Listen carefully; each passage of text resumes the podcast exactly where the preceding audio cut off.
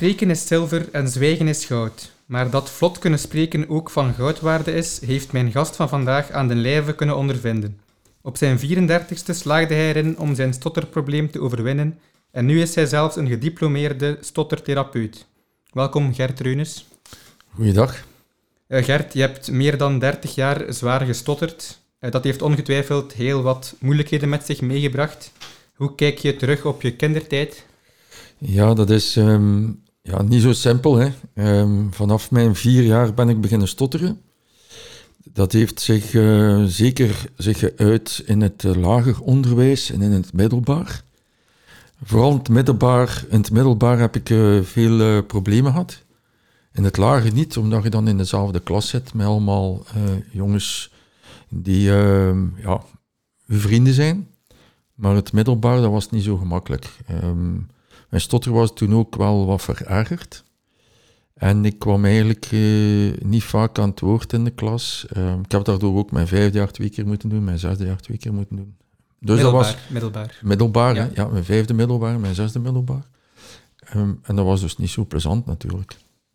Ja, en die, die moeilijkheden uitte zeg dat dan in, in punten of ook in, in pesterijen?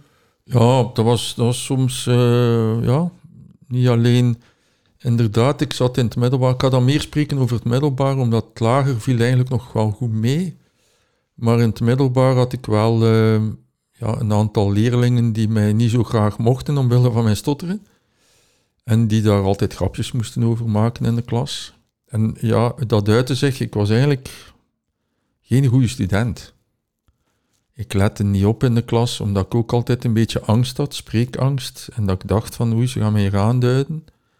Maar uiteindelijk heb ik dan uh, weinig of niks gezegd en ik uh, viel figuurlijk in slaap in de les.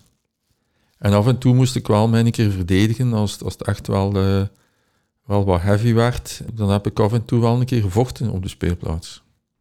Ja, en de leerkrachten begeleiden die u? Um... Goh, we spreken natuurlijk al van 50 jaar geleden, ja. ja 45 jaar geleden. Is natuurlijk een groot verschil. Ik ben nu 60. De leerkrachten, er bestond zo geen zorgleerkracht of geen leerkracht uh, om u zo een keer te helpen of zo.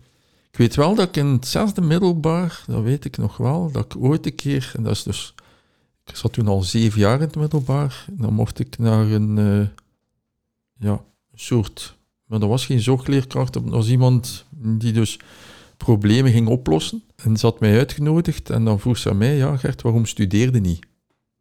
Dus het ging eigenlijk over mijn studeren. Uh, dat ging niet over uw stotterprobleem. ik heb toen daar ook niks over gezegd. En uh, waarom dat ik zo in de klas figuurlijk in slaap viel. We spreken wel van 45 jaar geleden. Ja, ik vraag mij ook af, voor presentaties of zo, ging dat? Of? Oh, ik heb ooit in het middelbaar een keer een uh, spreekbeurt gegeven die ik vooraf had opgenomen in mijn huis, waardoor dat, dat spreken iets vlotter was gegaan. En dan, dan moest ik dat dan afgeven aan de leerkracht en hij speelde dan het, uh, de geluidsopname af. En dat vonden ze in de klas ook wel speciaal, uh, omdat ik ja, normaal niet veel zei in de klas en ook of als ik iets zei, dat ik stotterde wel hard. En in die opname ging dat redelijk goed. Dat vonden ze wel speciaal. Ja. Maar uiteindelijk, ja, dat, dan zei er weer iemand speciaal. Hè. Ja. ja. Dus je, hebt vier, vier jaar, uh, twee jaar langer gedaan over je middelbaar. Heb je dan daarna ook verder gestudeerd of ben je beginnen werken ja. direct? Nee, ik heb dan drie jaar uh, gestudeerd voor graduaat elektronica. Een A1 noemden ze dat toen. A1 elektronica. Ik was dus eigenlijk geen goede student. Of allee, dat was zo dan ze het idee hadden ehm, van ja, gaat hij dat wel aankunnen? Dat is een hogeschooldiploma. En uh, dat is eigenlijk wel zeer goed gegaan, want ik was eigenlijk wel zot van elektronica. En dan heb ik zelfs in mijn laatste jaar onderscheiding gehaald. Ik was eigenlijk van een heel slechte humaniora-student, dan wel plots heb ik echt dan wel beginnen studeren. Daarmee wil ik zeggen dat je, als je in humaniora niet goed studeert, kun je altijd later nog altijd goed studeren. Ja, als het u interesseert. Ja, als het u interesseert, dat is heel juist. Ja, dan uh, ben je beginnen werken. Wat deed je dan precies? Dan zat ik in de cinemawereld. Ik heb een aantal jaar uh, filmpjes gedraaid. Hier in Gent, in Waregem, in uh, Gerardsbergen. heb ik in de cinemawereld gewerkt. Heb ik ook in de filmwereld gewerkt. Ik heb nog gewerkt voor Jan Verrijen en voor Erik van Looy. Uh, ik was toen een runner. Een runner, dat is iemand die als de regisseur u nodig heeft voor iets, of hij ja, heeft iets nodig en hij heeft het niet. Als hij zo plots zegt, ik zou hier nog uh, een sigaret moeten hebben op de set. Ja, ik ging dan heel rap gaan zoeken achter een sigaret bijvoorbeeld. Dat is maar een voorbeeld. Hè. Dus dat is eigenlijk runner zijn. En ik was ook chauffeur van sommige ja, Vlaamse acteurs. En onder andere een van die acteurs, dat was eh, Jan de Cler. En het grappige is aan Jan de Cler, of het grappige, dus als ik hem ging afhalen, ik moest hem gaan afhalen, uh, hij stottert ook, Jan de Cler. Ah, ja. En ik ging, uh, ik ging hem gaan afhalen en ik, uh, ik zei zo, ja, ik, ik, ik, ik, en ja, hij had waarschijnlijk het idee van, is hier met mij aan het lachen? Maar uiteindelijk hebben we dan, als we dan, ik heb hem dan nog moeten een paar keer, een paar keer moeten voeren, dan heb ik met hem wel goede gesprekken gehad over stotteren. Nu niet zo heel grote gesprekken, maar want ja, ik stotterde toen wel redelijk heftig. Hè. Ik stotterde bijna op ieder woord, dus een gesprek voeren, dat was niet zo gemakkelijk voor mij. Ja, maar dat, die ontmoetingen met bekende mensen hebben wel een indruk nagelaten. Ja, zeker. Zeker in de filmwereld. Waarom? In de filmwereld die zijn zij zeer open-minded. Ja. En die vonden mij... Ja, ik was... Ja, ook wel niet gelijk... Allee, het was in, in Tumaniora is dat iets anders. Hè. Je stottert, je bent ja, iemand anders. Dus we kijken daar een beetje op neer. Maar in de filmwereld vonden ze mij allemaal wel een sympathieke. Ja, werd niet meer uitgelachen dan... Uh... Nee, ik werd totaal niet uitgelachen. En ik, ik werd zeer serieus genomen. Ja. Want um, dat ga ik nooit vergeten. Dus ik was eigenlijk uh, ook de chauffeur van Antje de Boek en Jan de Cler en zo. En die hadden een première gedaan voor de Vlaamse regering. En uh, achteraf die gingen we iets gaan eten. Allee, moest ik kunnen voeren naar het restaurant. En uh, ja, Antje de Boek zei tegen mij, die eigenlijk een fantastisch iemand is, fantastische actrice is. Ja, zegt ze tegen mij, uh, ga mee hè. En, en ik zo, ja, ik ben nu chauffeur. Allee, ik ben onder chauffeur. Nee, nee, nee, nee, nee, nee ga, maar mee met ons. En ja, ik zat ik daar dan ja, dat waren er een aantal. Ik weet niet meer wie dat er allemaal juist zat van, van de Vlaamse regering toen. Dat vond ik wel heel fijn, omdat ik vaak het gevoel had gehad van ik hoor er niet bij. Ja. En dan had zij mij zo plots vergeven als uh, naar een hoger niveau van, allee, je bent een van ons. Ja. En dat vond ik wel super. Dat was eigenlijk, daarom vind ik de filmwereld wel een heel plezante wereld. Ja. Slecht betaald, maar heel plezant. ja, dan maken we een sprong. Hè. Op je 34ste is het dan uiteindelijk gelukt om van je stotter af te geraken. Ja. Um, hoe is dat eigenlijk gegaan? Is dat een proces van jaren geweest? Of is dat dan ineens dat je de juiste therapie gevonden hebt? Goh, ik zeg nog altijd, ik stotter eigenlijk nog altijd, maar ik heb uh, heel veel mogelijkheden gekregen in mijn leven, waardoor mijn stotteren wel enorm verminderd is. Maar als ik een keer moe ben, of als ik een keer uh, ziek ben, of ik, ik heb een shot gehad van uh, een virus, antivirus, en je bent dan niet zo in vorm, ja, dan gaat het soms wel een keer een stotter horen. Maar hoe is dat gegaan? Ja, dat is eigenlijk wel een groot verschil geweest. Ik heb toen uh, twintig jaar lang logo gevolgd, waaronder 14 jaar van een logopedist die mij enorm geïnspireerd heeft, waar dat ik enorm veel van geleerd heb. Maar als ik, ik ben begonnen op mijn vierde levensjaar met logopedie en ben eigenlijk gestopt op mijn 24ste. Maar uiteindelijk, op mijn 24ste, stotterde ik nog altijd. En, en, dan ben ik naar Nederland. Op een bepaald moment, uh, zoveel jaren later, ben ik naar Nederland getrokken. En dat is dan zo'n methode, wat dat je dan op drie dagen gaat daar naartoe. En let op, ik heb niet op die drie dagen vlot leren spreken, maar voor het eerst had ik zo het gevoel van, tja, als ik mij daarmee bezig hou, gaat mijn spreken verbeteren. En dat is dan beginnen verbeteren. En dan van het een kwam het andere. Ik had dan ook zo een beetje een crisis, zo van wat ga ik nu doen in mijn leven, wat, wil ik nu doen? En dan had ik zo, ja, waarom zou ik niet iets studeren? Ik was toen wel al 34 jaar oud, dus eigenlijk zou ze zeggen, ja, 34. Dat is eh, ja, oud. Hè? Eh, allee, oud. Dat is niet oud voor te studeren, maar het, het normale plaatje is het niet meer. En dan dacht ik zo, oh, op mijn 34ste ga ik misschien eh, een keer studeren voor logopedie. En dan, dan ben ik gaan studeren voor logopedist. En ja, het studeren voor logopedist en dan ook ja, rijper worden en nog meer oefenen in spreken, ja, dat maakte dat ik als ik afstudeerde, ook met onderscheiding trouwens, ehm, dat ik uh, ja, redelijk, goed, redelijk goed sprak. Ja, want eigenlijk een, een oudere student, ehm, is dat niet moeilijker? Is dat niet even terug, terug inkomen? Oei, oei, dat is, dat is niet simpel. Ja. Ik begon dus in mijn eerste jaar, want ik heb dan in mijn eerste jaar, zat ik nog, ik werkte in de cinema in Waregem, Cinestar, die... Uh, een aantal weken geleden kwamen ze nog in het nieuws. Uh, hebben ze alle zalen uitgebroken van Cinestar Waregem. Ehm, maar dus ik zat in mijn eerste jaar voor Logo aan de UGent. En ik had een fulltime job in de cinema. Dat betekent dat ik meer dan 40 uur in de week zat ik daar in de cinema. En dat was dan meestal om 11 uur of om 1 uur gedaan. Of ik begon in de, in de week begonnen we rond 5 uur. En stopten we rond 11 uur. En in het weekend en vrijdagavond begonnen we om 2 uur. Uh, de zaterdag en zondag om 2 uur. En we stopten dan om 1 uur s'nachts. Dus ik uh, studeerde, maar ik, uh, ik zat ook nog in een fulltime job bezig. Ja. Maar wat heb ik toen gedaan? Ik heb toen gezegd van, oké, hoeveel uren moet ik studeren? En dan hadden zo een blaadje waar dat erop stond, hoeveel uren dat ik moest studeren. En dat kwam neer dat ik iedere avond zeker minimum drie uur moest studeren. En ik, begin, ik ben begonnen van de eerste dag op school, allee, op de UNIF, heb ik elke avond drie uur gestudeerd. En ben je dat blijven combineren met je werk dan? Dat eerste jaar uh, in juni, als ik dus mijn examens moest doen, uh, hebben ze mij een ontslag gegeven. Ah, ja.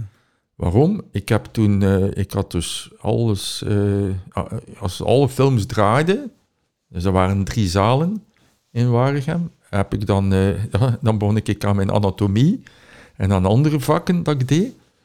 En ja, dat is dan uh, niet zo in goede aarde gevallen. Hè. Van, hij is jammer genoeg gestorven, Erik de Grote van Sinistar. Die is dan uh, jammer genoeg ziek geworden, een aantal jaar geleden overleden. Maar ja, dat viel niet in goede aarde. Waarom niet? Ja, hij, zei, ja, je moet je job doen. Ja. En je bent hier nu aan het studeren. ik zei, ja, maar ja, alle films draaien. Ja. Oh, maar ja, pas op, uh, want nu, nu is het allemaal via fines en streaming, maar dat was vroeger was echte films. Dus als er iets niet scherp stond, ja, had hij het ook wel gezien en had ik het soms niet gezien. Ja. En dan kreeg ik in juni mijn ontslag en dan heb ik, ik heb schitterende ouders gehad, die hebben mij toen gezegd van, kijk Gert, je bent in je eerste jaar geslaagd, de volgende drie jaar, want dat is vier jaar, nu is het vijf jaar geloof ik, hebben ze gezegd van, kijk jong, uh, jij moogt van ons verder studeren, wij gaan u onderhouden. Uh, jij moet nog juist studeren. En mijn laatste drie jaar heb ik dus, dus ja, weer naar huis komen wonen, hier geslapen, in, waar dat die opname hier nu gebeurt, dat is de, de vroegere slaapkamer van mij. Dus hier heb ik geslapen en gestudeerd en gegeten. En, dus dat was studeren, studeren, studeren. Ik deed niet anders drie jaar nog studeren. Ja, dan moet je toch ook wel allee, een, echt, echt gemotiveerd geweest zijn om dat diploma te halen. Ik was super gemotiveerd. Ja. Super. En, en wat ik enorm ja, vond, dus in mijn eerste jaar trouwens ook, ja, we waren toen met, ik schat een 100 inschrijvingen in het eerste jaar, waarvan er dan eigenlijk, denk ik, uh, eh, 50 geslaagd waren. Ja. Ik vroeg aan aan mijn medestudenten, waarom studeren jullie nu voor logopedie? En ik vond het zo schrijnend of soms jammer dat zij zo zeiden van, oh ja, omdat mijn vriendin dat doet. Zo echt geen echte reden. Ja. En ik natuurlijk, ja, voor mijn verleden, ik wou, ik wou uitsluitsel krijgen van uh, waarom stotter ik en zo. Ik had nooit zelfs gedacht dat ik zo succesvol in geweest zijn in mijn logopedie. Als job dan. Maar het is nooit mijn job geweest en nooit, nu nog niet, het is mijn roeping. Ja, dus het was ook niet echt om, eh, of, of het was vooral om, om, om jezelf beter te begrijpen ook? Ook, ja. In, in de eerste plaats, ja. In de eerste plaats had ik zoiets, ik wil nu een keer, ja, een keer zelf studeren Nu, het was ook al zo, we hadden al vijf jaar een, een zelfhulpvereniging. Eh, wat ik zou liegen, vijf jaar? Nee. We hadden eh, een zelfhulpvereniging opgestart in het jaar 95, juist. En eh, in het jaar 96 heb ik mijn eerste jaar logopedie, logopedie gedaan. Eh, Dus ik zat eigenlijk al zo wat in, in die wereld van stotteren van andere mensen. Ja. En dan had ik zoiets van, ja, eh, misschien word ik ook nog ooit logopedist. ja. En die beslissing is, is uit jezelf gekomen of, of na gesprekken met andere mensen? Nee, dat is, dat is heel raar gegaan. Heel raar. En ik geloof...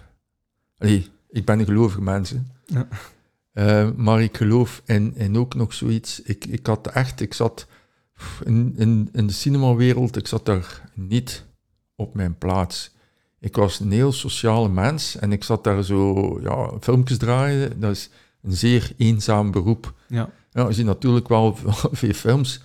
Maar uiteindelijk, ehm, nee, op een avond, en dat is heel gek, die ruim ik eh, mijn zolder op. En ik vind een schriftje, een schriftje van als ik acht jaar was. Ik heb dat schriftje nu nog altijd. Van als ik acht jaar was. En, dat schriftje, dat was van mijn logopedist. En van mezelf trouwens. En ik zag dat. En ja, ik, ik voelde zoiets van, goh, moest ik nu die mogelijkheid hebben?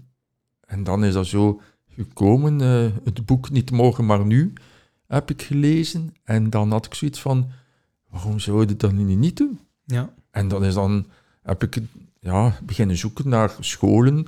Ja, het verhaal is, eh, is al uitgebreid in de media geweest. Ik wou eerst naar een hogeschool gaan en die wilde mij niet. Eh, en dat was, ja, ik, ga, ik, ga nu, niet- ik ga nu die school niet, niet noemen. Eh, maar uiteindelijk heb ik dan gezegd, ik ga naar eh, het UNIF, omdat ze daar zeiden van, oké, ja, of dat je stottert of niet stottert. Allee, ze zeiden dat niet, maar ze zeiden, oké, eh, als je dat wilt worden, gaan we je niet ambeteren. Maar je moet wel goed kunnen spreken, dus ik heb ook een screening moeten doen daar. eh.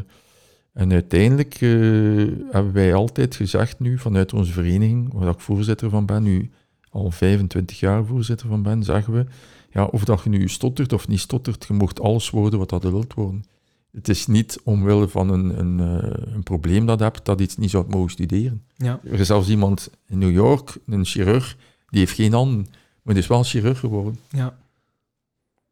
Ehm, de medestudenten, hoe hebben die u eigenlijk ehm, omarmd of net niet? Ja, ja kijk, eh, ik was natuurlijk een, een iets of wat oudere, rijpere man. Ja. Ik heb, ik heb eigenlijk al van mijn 18 jaar grijs haar. En ehm, als ik zei aan mijn coiffeuse in Gent, ik zei, ja, ik ga studeren voor logopedie, dan zei ze zo tegen mij, Gert, jong, dan, dan gaan we een keer uw haar een kleurtje geven. Verven. En dan had ik eh, blond haar, ja, ja, ja. Eh, en ik zag er toen ook nog goed uit. Eh, nee, ik, ik moet zeggen, dat ja, eh, is, is zeer goed meegevallen. Waarom? Ja, in, eh, in logopedie zijn bijna allemaal vrouwen. Ja. En ja, en, die- en die vonden mijn verhaal ook zo speciaal. En dan kwamen ze ook zelf aan mij vragen stellen, en dat ging dan natuurlijk over iets anders. Dan, dan, dan eh, wouden ze weten van, ja, die waren 18, 19, 20 jaar, en die wouden dan zo wat weten over, of die zeiden dan, goh, ik heb een vriend, en, en eh, gaat dat aanblijven of gaat dat niet aanblijven? En dan vroegen ze mij een beetje raar. Hey, ik vond dat wel grappig altijd, Ja. dat ze zo eh, soms naar mij vroegen eh, om raad te geven. Wat zou je dan doen, of wat zou jij doen, of wat zou ik moeten doen, omdat het ook bij mij zou blijven. ja. Zo van die grappige vragen. Dus het is al meer echt levensraad. Ja, ja, maar, ja, maar ik was, daar, ik was echt wel heel rap opgenomen in die jonge groep. En ik voel, ik voel me nog altijd 24, pas op. ja. Ik ben nu 60, ik voel me nog altijd 24. Ja, dat is intussen eh, al meer dan twintig jaar geleden. Hè? Ehm, in welke opzichten heeft, heeft dat eh, uw leven gemakkelijker gemaakt dat je nu ja, zo goed als niet meer stottert? Goh, ehm, ik moet zeggen, er is nu zo'n nieuwe stroming gekomen in de laatste jaren. Dat is die stroming die zegt, als je stottert, wel, stottert maar. Let op, ik sta daar ook achter. Je moogt stotteren, waarom zou je niet mogen stotteren? Hè? Maar als ik zie welke deuren dat er voor mij zijn opengegaan, omwille van ik doe iets aan mijn probleem. Hè? Eh, je moet dat ook niet overdrijven, je probleem, maar je, zegt, kijk, ik aanvaard mij in het nu-moment, wat ik nu doe met mijn spreken, maar ik wil wel groeien als mens. Hè? Wat dan nu soms vaak hoort, dan ze zeggen van, ja, je stottert, je zei zo, en wel, blijf maar zo. Hè? En, en iedereen moet je maar aanvaarden. Spijtig genoeg, niet iedereen aanvaardt u. Ja. Dus je moet je soms een keer wel wat veranderen in het leven. En uh, allee, moeten is ook weer niet waar. Je mag die veranderen. En daarom dat ik zeg, je hebt het recht op verbetering, maar je hebt het recht ook om te zeggen, ik blijf wie ik ben. Ja. Maar dan moet je niet beginnen klagen en zagen van, oh ja, ik had graag zo'n job gehad, maar ik heb hem niet, of dit. Nee, je moet dat niet zagen en klagen Ja. achteraf. Of beginnen blijten. Ja. Nee, je hebt uw verantwoordelijkheid. Eh, die deuren die zijn opengegaan, misschien te persoonlijk, maar Nee, nee, ook, in, ook ehm, qua liefdesrelaties. Is dat, is dat ook gemakkelijker geworden? Of had je eigenlijk al een relatie? Ja, ja, ja. Ik, ik moet zeggen, ik heb daar nooit echt heel verlegen om geweest. Ehm, ik heb heel wat relaties gehad in mijn leven. Nu heb ik geluk gehad dat ik twintig jaar geleden een hele ongelooflijke vrouw heb ontmoet, die ook logopediste is. Maar vroeger, ik, heb ook in de horeca gewerkt en in de filmwereld gewerkt en in die, ja, in die branches, die komt al rapper een keer aan de lief. Ehm, maar wat dat er wel altijd gebeurde, dat ik, ik heb veel ja, blauwtjes gelopen, niet, maar dat het ooit uitmaakte met mij. Ja. En, en dan vroeg ik soms, of zij zeiden aan mij, het is niet omwille van je stotteren dat, dat we het uitmaken, maar hoe dat jij met je stotteren omgaat. Jij hebt er een probleem mee. Jij zit met problemen, niet wij. En ik vond het altijd heel raar. Wa- Want ik had het idee van, ja, eh, ze laten mij in de steek voor mijn stotteren. Nee, een een stotteren stoorde hun niet. Maar het was wel hoe dat ik met mijn stotteren omging. Ja. En ja, eigenlijk is dat iets wat ik nu aan al mijn cliënten of mijn lotgenoten zeg. Wees open over uw spreken en over uw emoties en over uw problemen. Hè. Steek dat niet weg. Of doe niet te veel aan zelfbeklag. Ja. Hè, zo van, ja, ik stotter en, en dit en dit en dat. Ehm, ja, dus nu eh, als logopedist, of eigenlijk stot, vooral stotter, stottertherapeut, hè, eh, ben je dus uiteraard gespecialiseerd in stotteren. Ehm, maar waaruit bestaat ehm, dat werk nog? Heb je nog andere projecten buiten uw therapie? Wat ik enorm veel energie in gestoken heb, nu is het iets minder, is in de zelfhulp. In de zelfhulp, eh, dus wij organiseren ieder jaar drie spreekweekends. eh, wij doen events, wij doen de Wereldstotterdag, enzovoort, enzovoort. Maar waar dat ik nog zo wat mijn uren insteek, is, is in... eh, ja, ik krijg ook veel vragen, en, en dat is gek, hè. Ik krijg niet alleen veel vragen over stotteren, maar ik krijg ook veel levensvragen. Veel jonge mensen, die komen nu bij mij en die, en die hebben niet alleen een stotterproblematiek, maar die komen dan inderdaad met, ja, dat gaat dan over, eh, ja, wat moet ik doen in mijn leven? Of, hoe, hoe moet ik lief vinden? Zo allerlei, ja, gewone vragen, wat ik eigenlijk toen al, als ik toen studeerde aan de UGent, dat ik al ook eh, deed. En ja, ik heb, ik heb inderdaad een levenswijsheid opgebouwd. Dus misschien niet alleen maar wijsheid, maar ik, ik heb wel heel wat watertjes doorzwommen en, en eh, van alles meegemaakt in mijn leven, waardoor dat ik ja, een ruimere visie heb over zaken. Ik heb ook wel vaak een uitgesproken mening, eh, dat ik nu niet zoveel niet meer op Facebook zet, maar vroeger dat ik soms wel een keer zei van paf, kijk hier, lap, ik ga een keer een knuppel en toen de hok gooien. Ja. En voor de rest hou ik mij bezig met eh, re- reizen, fotografie, eh, een heleboel andere dingen. Filmpjes maken, audio-opnames maken met mijn cliënten. Ja, En- want we zitten hier in, eigenlijk in, in uw studio Ja. de podcast op te nemen. Ja, wel, maar ik vind, vind dat een meerwaarde. Wat dat eigenlijk nog nooit gebeurd is in Vlaanderen, is ja, cliënten aan het woord laten. Ja. En eh, ik heb nu al, ik denk dat ik nu al 45 opnames gemaakt heb van cliënten, die dus vrij en frank en eh, vrolijk, en soms een keer minder vrolijk, een verhaal doen. En volgens mij kan dat een enorme meerwaarde zijn Ja. voor andere mensen die stotteren, of voor hun omgeving die Ja. stottert.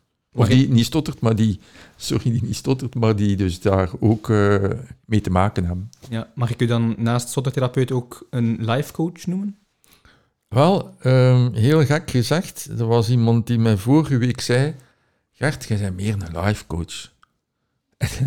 en ik, ik vond dat wel ja, zoiets van... eh, ja, als ik soms... mijn- want ik neem elk gesprek dat ik doe van logopedie, die neem ik op op audio. Ieder gesprek. Ja. En ik moet dat dan allemaal een beetje eh, rangschikken en, en, eh, en, en in bepaalde files eh, gieten en zo, of organiseren. En ja, ik, ik, ik had zo een aantal weken geleden ook zo twee, drie gesprekken een keer weer herbeluisterd van een aantal jaren geleden. En dan ging dat eigenlijk ook al meer over ja, het leven als over het stotteren. Ja. Ehm, ja, je bent eigenlijk de eerste en waarschijnlijk ook enige logopedist in België die niet alleen weet wat stotteren is, maar het ook zelf heeft meegemaakt. Nee, nee, het er, er zijn er nog. Zijn er nog? Ja, ehm, ik mag zeggen, er zijn er nu drie. En zij hebben alle drie bij mij logopedie gevolgd. Ja. Maar het zijn er al drie. Maar dus was wel de eerste. Ja, ik was wel mijn eerste. Ja. Ja. En wat, wat zijn daar dan volgens jou de voordelen van? Er zijn natuurlijk ja, ervaring. De, de voordelen, als je als eerste ja, logopedist wordt, en dan spreek ik over het jaar 2000, op een bepaald ja, moment is de media daar enorm op gesprongen. Ik, ik moet zeggen, ik heb in zowat elke boekje of boekjes gestaan, van de humo tot de knak, de kranten. Ik ben op het VTM-journaal geweest, VRT-journaal. Ja, je krijgt een enorme media-exposure. Ja. Dat heeft mij ja, beroemd gemaakt in Vlaanderen. Ja. Ik ben niet wereldberoemd, Nee. totaal niet. Een BV. Ja, nee, absoluut niet. Eventjes. Maar, maar ja, je zo, als men mijn naam zegt in Stotterland, die weet iedereen wel over wie dat gaat. Ja. Eh, alhoewel, als ik nu zie, degenen die nu afstuderen, ja, ja, zij weten niet meer wie dat ik ben, denk ik. Maar dat komt ook omdat ik ja, nu niet meer, eh, ja, ook wel in de media kom. Als er nu iets is voor de media, dan eh, laat ik dat gerust aan mijn vrouw over Ja. of aan iemand anders. Maar dat is dan het voordeel geweest dat u in eerste bent. ja. Dus uw verhaal is in de media verschenen, maar u heeft ook twee boeken geschreven. Ja, in feite je- zijn er al vier. Vier, ja. Ja, het zijn vier boeken die ik geschreven heb. Ik niet, ik niet alleen, hè. Eh, want dan zou ik mijn vrouw een serieus... Ze zou serieus kwaad zijn. Nee, nee, ze zou niet kwaad zijn, maar... eh, ja, mijn eerste boek, Als spreken moeilijk is, en mijn tweede boek, eh, Spreken is goud, ga- gaat dus inderdaad een beetje meer over mezelf. Maar de twee laatste boeken, de Survival Gids en dan een boek over onze cliënten met de VZ2, het grootste stuk heeft mijn vrouw wel geschreven, eh, maar ik was misschien soms af en toe een keer een inspirator voor het een of het ander. Maar in totaal hebben we al vier boeken eh, uitgegeven. En dus vooral die eerste twee over, over uzelf meer. Belangrijk was dat voor u om, om uw verhaal te kunnen vertellen? Ja, in feite, dat eh, is, ik, ik heb daarvan verschoten, van dat boek Spreken is goud, dat is mijn autobiografie, Ja. zijn er 3700 exemplaren van verkocht. Voor zo'n zelfhulpboek Ja. Is dat, en die is uitgekomen in 2008, is dat zeer veel. Eh, Zeker over stotteren, want er stotteren 100.000 mensen in België. En, en dus laat ik zeggen 70.000 in Vlaanderen. En daarvan hebben er ongeveer 3700 het boek gekocht. Waarom is dat belangrijk? Omdat voor het eerst schreef er iemand over stotteren. Over zijn leven, wat dat hij daarmee, hè, over de mens achter het stotteren. En, ja, heeft, heeft eh, aangesproken. ja, ja, ja. En ik heb nu nog mensen, dat is heel gek, eh, Aaron, om te zeggen. Ik heb nu mensen die nu nog zich aanmelden en mij zeggen: Ik heb ooit uw boek gekocht. Dus dat is 14 jaar later. Ja. En dus het boek 14 jaar ergens in hun schuif hebben laten liggen, of ze hebben het af en toe een keer gelezen, en nu zeggen: Gert, ik wil met jou logopedie doen. Ja, ik vind dat soms ja, ongelooflijk. Ja. Ja, ja, mijn vader is ook logopedist en hij heeft het boek ook. ja Dus ehm, hij is een van de, van de kopers, eh, Ja. vele kopers geweest. Eh. Als stottertherapeut eh, heb je een eigen methode ontwikkeld, de BLS-methode. Ja. Kun je die even kort toelichten misschien? Heel, heel snel gaat dat moeilijk gaan, maar ik ga het proberen. In feite moet ik een klein stukje geschiedenis daarover zeggen. In Vlaanderen eh, had je twee grote stromingen in de logopedie. Je had de stuttering modification en de fluency shaping stroming. En de stuttering modification, dat werd door iedereen gedaan. De fluency shaping methode of stroming werd door niemand gedaan. Wel in de andere, in, in de ons omringende landen, hè? Ja.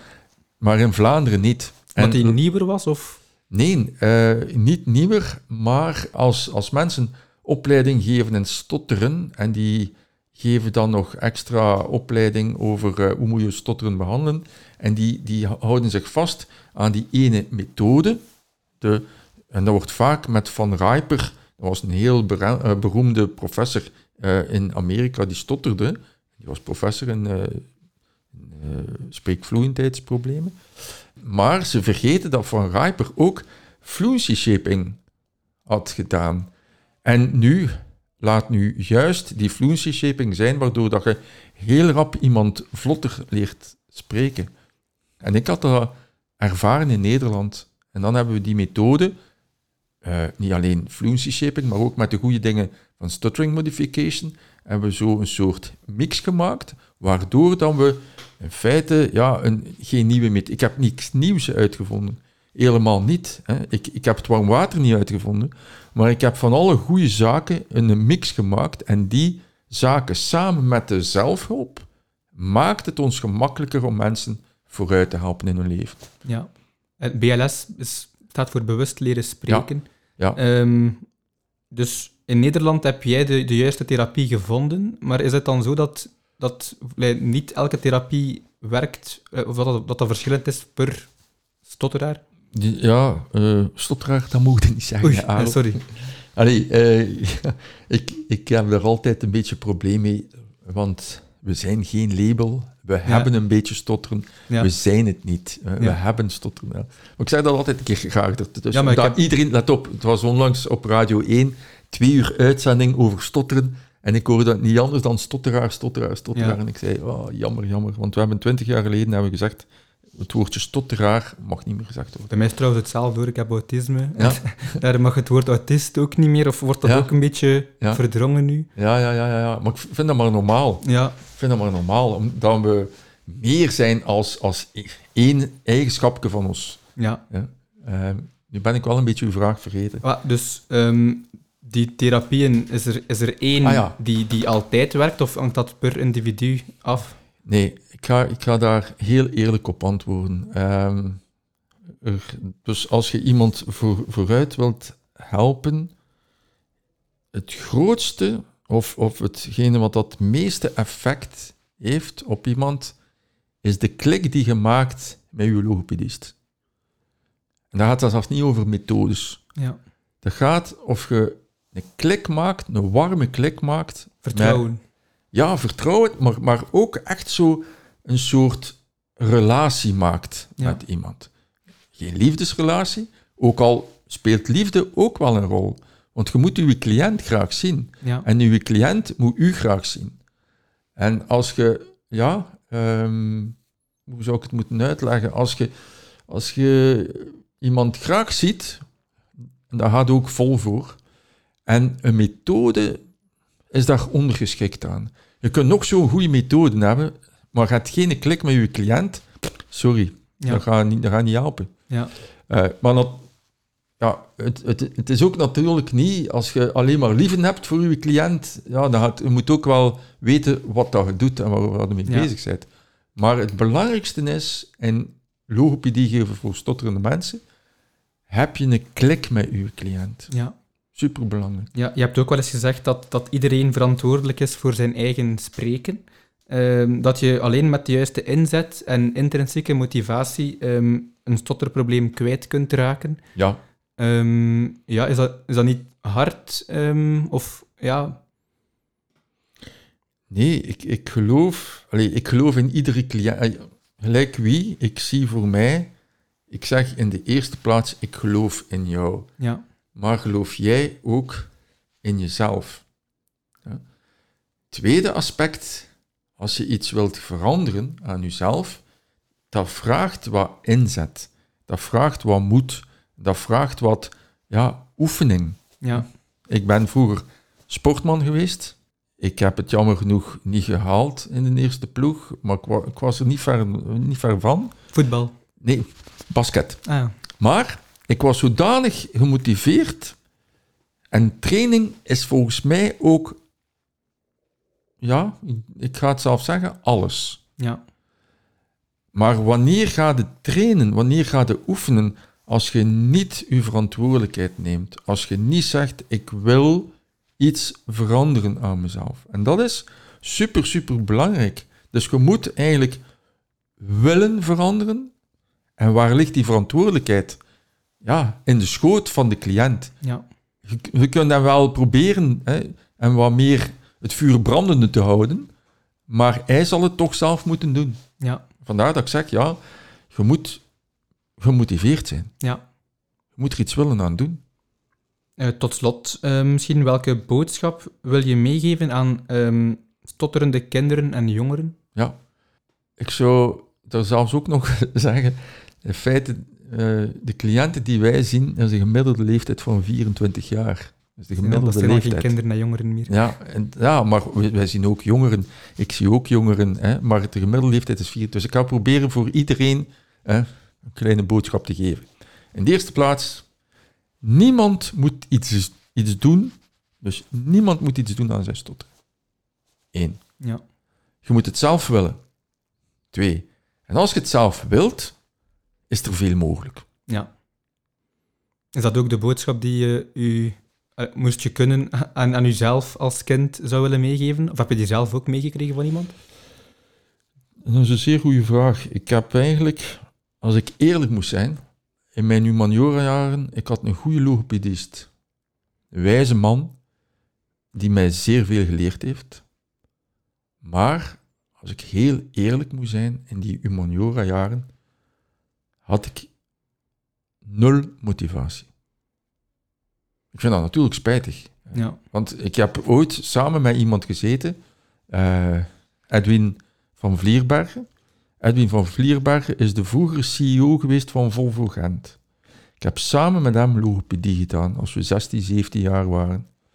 Ehm, en ik weet, Edwin was iemand die zeer gedreven was. Hij is ook CEO geworden van Volvo Gent. Ja. En ik ga dat hem nooit kwalijk nemen, Edwin. Hè, maar op een gegeven moment, die zei mijn logopedist, goh, moest je een keer wat meer zijn gelijk Edwin. Ja. Zo wat meer willen werken. Zo een keer een schriftje bijhouden. En ik weet je wat, zo je spreken ook beginnen verbeteren. En ik zei, fuck it. In mijn eigen, hè. ik had niet aan die logopedist Ja. gezegd. Maar ik was met andere dingen bezig. Ik was, ja, ik was misschien ook murm geslagen in het middelbaar Ja. om er iets aan te doen. En ik had een goede uitlaatklep en dat was mijn sport. Want daar kreeg ik applaus, ja. Die je op school niet kreeg. die ik op, slo- op school niet kreeg. Ja. Nee. Eh, Gert Reunes, mag ik u bedanken voor dit boeiende gesprek? Nee, ik vond het heel fijn. Echt, Aaron, je had dat schitterend gedaan. Ja. En dat is een beetje uw eindwerk of zoiets voor wat je nu Een doet. opdracht voor, Een eh, opdracht voor journalistieke vaardigheden, ja. Zou ik u iets mogen vragen? Ja, zeg, vraag maar. Zou ik die opname die jij nu met mij gemaakt hebt, zou ik die mogen online zetten? Ja, ja, zeker. Ik ga die online zetten. Ja, En dan heb je al ongeveer 3000 luisteraars. ja. Alright. Ja, ja, is goed, dank u. Oké. Oké, super. Ja,